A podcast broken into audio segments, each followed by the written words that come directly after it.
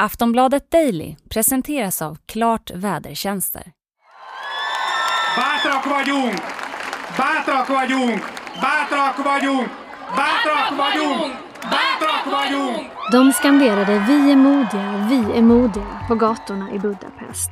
De samlades i tusentals för att protestera mot det ungerska parlamentet och den lag som godkändes i mitten av juni. Lagen som förbjuder spridning av material till minderåriga som citat “främjar homosexualitet”. Det kan handla om att förbjuda hbtqi-personer att synas i reklamer och tv-program, att hindras från att kunna dela ut information eller delta i sexualupplysning. Företag ska inte kunna publicera annonser som uttrycker solidaritet med homosexuella och filmer med hbtqi-personer ska bara få visas på kvällen. Premiärminister Viktor Orbán och hans parti Fidesz, som regerat sedan 2010, har haft flyktingmotstånd som sin främsta profilfråga. Men de senaste åren är även hbtqi-personers rättigheter under attack.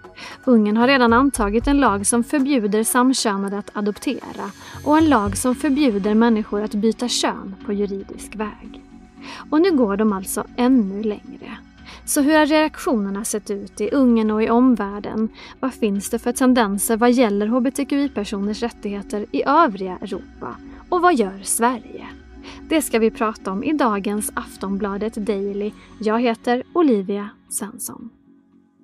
Deidre Palacios är förbundsordförande på RFSL som ser med stor oro på utvecklingen i Ungern. Vad tror de att den nya lagen kommer att innebära för hbtqi-personer i landet? Ja, den nya lagen förbjuder ju skildringar riktade till minderåringar av homosexualitet och av transpersoner. Ehm, och det här kommer ju påverka inte bara till exempel skolan utan även kulturen och, och reklam och, och, och sånt i den riktningen. Så det är ju väldigt oroväckande. Eh, samtidigt så stigmatiserar ju sån här lagstiftning hbtqi-personer överlag. Att man ger signaler om att det här är någonting fel och det här är ett hot mot våra barn och så vidare. Så det är en väldigt negativ och oroväckande utveckling som, som vi följer väldigt noga. Och utvecklingen är ju inte ny utan regeringen har ju haft den här typen av frågor på agendan ganska länge. Hur tror du att hbtqi-personer i Ungern kommer att eh, påverkas nu när det så att säga läggs på ytterligare? Vad har ni för samtal med, med folk i Ungern till exempel? Ja, just nu har vi inte någon direkt samtal till aktivister i Ungern men vi har ju flera eh, organisationer som vi har dialog med, som vi följer utvecklingen där. Och det är klart att det är oroväckande att både att man slår mot hbtqi-personer men också det demokratiska samhället och det civila samhället. Att vi ser ett allt krympande utrymme. Och det blir ju svårare för organisationer som jobbar med mänskliga rättigheter och till exempel hbtqi-personers rättigheter. Sen har det ju funnits ett antal lagändringar som har ju försvårat situationen för hbtqi-personers rättigheter. Till exempel att transpersoner inte längre kan ändra juridiskt kön. Och det får ju jättestarka konsekvenser i, i människors vardagsliv så att säga. Att man måste outa sig eh, hela tiden egentligen i olika möten med myndigheter eller så. Så att det, det är väldigt, väldigt eh, starka och inskränkande lagförslag som har gått igenom. Det har förstås kommit många och hårda reaktioner på den nya lagen. EU-kommissionens ordförande Ursula von der Leyen säger “Jag tror på ett Europa som omfamnar mångfald, inte ett som döljer det för våra barn”.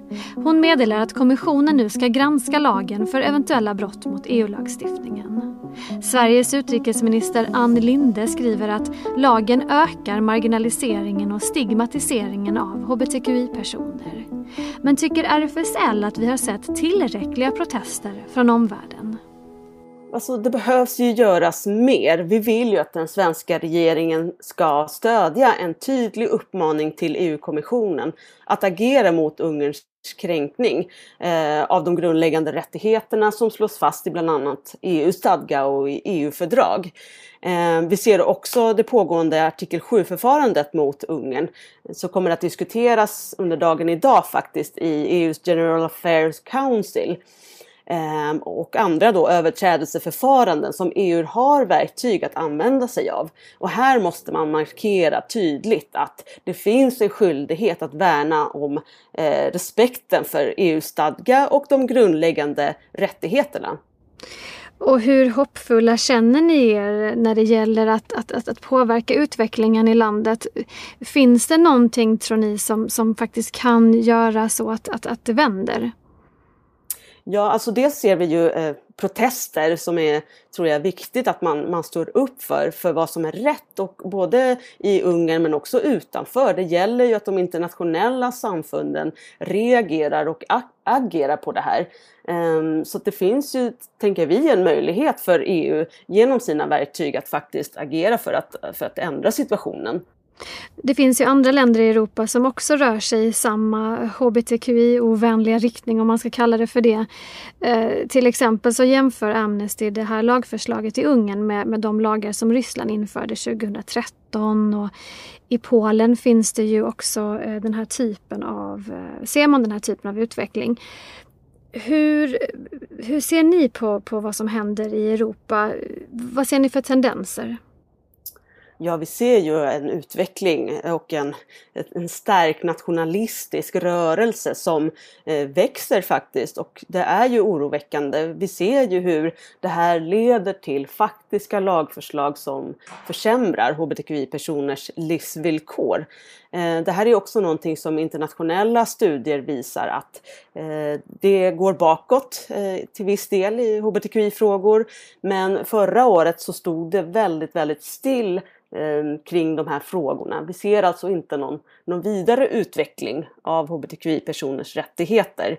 Eh, tvärtom att det till och med går bakåt. Så det är ju en väldigt oroande utveckling som också eh, smittas av till andra länder så att säga. Vi ser en våg. Vi ska snart prata mer med Deidre Palacios på RFSL, men först ett meddelande från vår sponsor. Vad det blir för väder kan påverka hela dagens planer och många håller koll i flera olika appar för att vara på den säkra sidan. Men med Klart kan du jämföra prognoser från tre olika vädertjänster på ett och samma ställe, berättar Mikael Sjöstrand, meteorolog på Klart. Vädret i Sverige skiftar ju och väderprognoserna kan vara olika för olika väderinstitut. Så genom att använda jämförelsefunktionen kan du få en lättförståelig sannolikhetsfördelning för vilket väder som det blir hos dig. I Klart-appen kan du också se badväder, pollenprognoser och mycket mer. Du hittar den där appar finns. Nu har det blivit dags för lite bokstavslära. Förkortningen hbtqi är ju det paraplybegrepp som RFSL rekommenderar att man använder. Men vad innebär det? Ja, H står för homosexuell och B för bisexuell.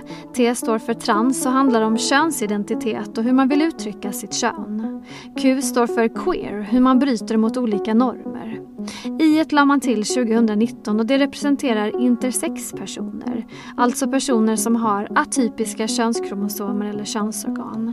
En del använder också ett plus efter hbtqi som ska stå för alla andra identiteter och sexualiteter.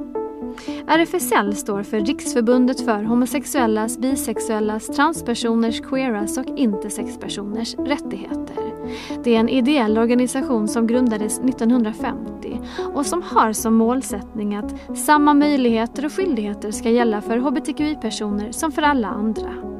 Deidre Palacios som vi pratar med i det här avsnittet är ju förbundsordförande för RFSL.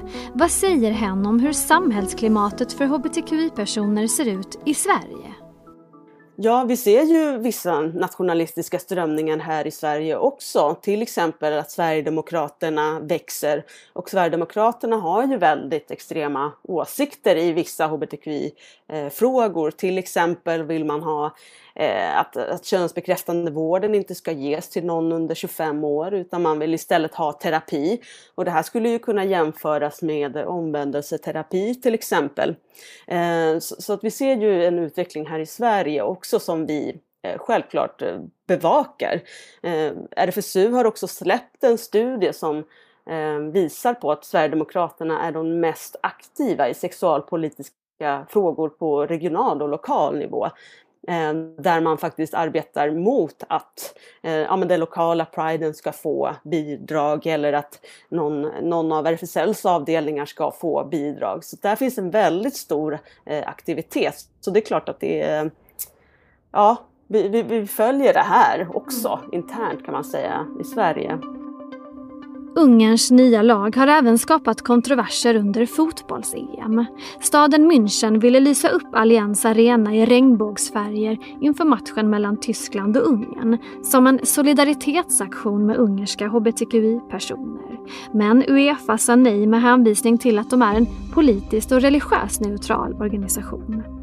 Det fick den engelske fotbollslegendaren och expertkommentatorn Gary Lineker att twittra “dra åt helvete” med tydlig riktning mot Uefa. Och de senaste veckorna har ju tusentals människor i både Ungern och Polen protesterat mot de pågående inskränkningarna i hbtqi-personers liv och rättigheter. Så hur viktigt är det att vi lyser upp arenor och att folk går ut på gatorna och verkligen visar sitt engagemang? Vi hör Deidre Palacios igen. Alltså det är jätteviktigt att, att människor engagerar sig på flera olika sätt och vis. Eh, dels nationellt och inom länderna men också internationellt. Eh, på ett internationellt plan kan man ju trycka på på ett helt annat sätt Eh, men det är klart också att det är viktigt för de hbtqi-personer som, som är i de länderna att, att faktiskt folket visar att nej, vi står upp för, för hbtqi-personers rättigheter. Ehm, alla står inte bakom den här eh, nationalistiska, konservativa, eh, till viss del extrema rörelsen eller regeringen så att säga. Utan det finns de som tänker annorlunda.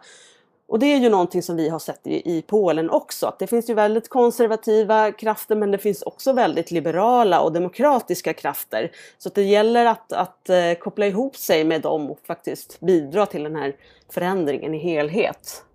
Finns det något land där det, eh, där det finns en, en, motsatt utveckling? Alltså finns det någonstans där det faktiskt är så att det istället känns som att man tar några steg framåt?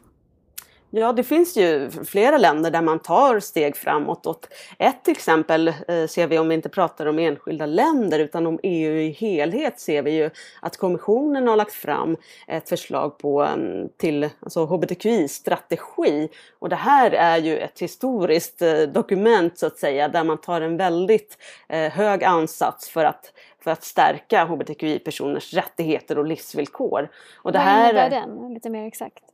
Ja, det innebär ju att där fastställer ju EU-kommissionen vad man tycker bör ingå i hbtqi-personers rättigheter. Till exempel att man ska ha könsbekräftande lagar som eh, utgår ifrån självbestämmande, vilket vi inte har i Sverige idag till exempel. Eh, till exempel att familjer ska kunna röra sig fritt i EU. Det kan ju inte regnbågsfamiljer idag utan Eh, man blir inte alltid erkänd som mm, förälder eller vårdnadshavare till ett barn om man, om man flyttar runt. Och det, det händer ju i Sverige idag till exempel att, att personer erkänns i ett annat EU-land.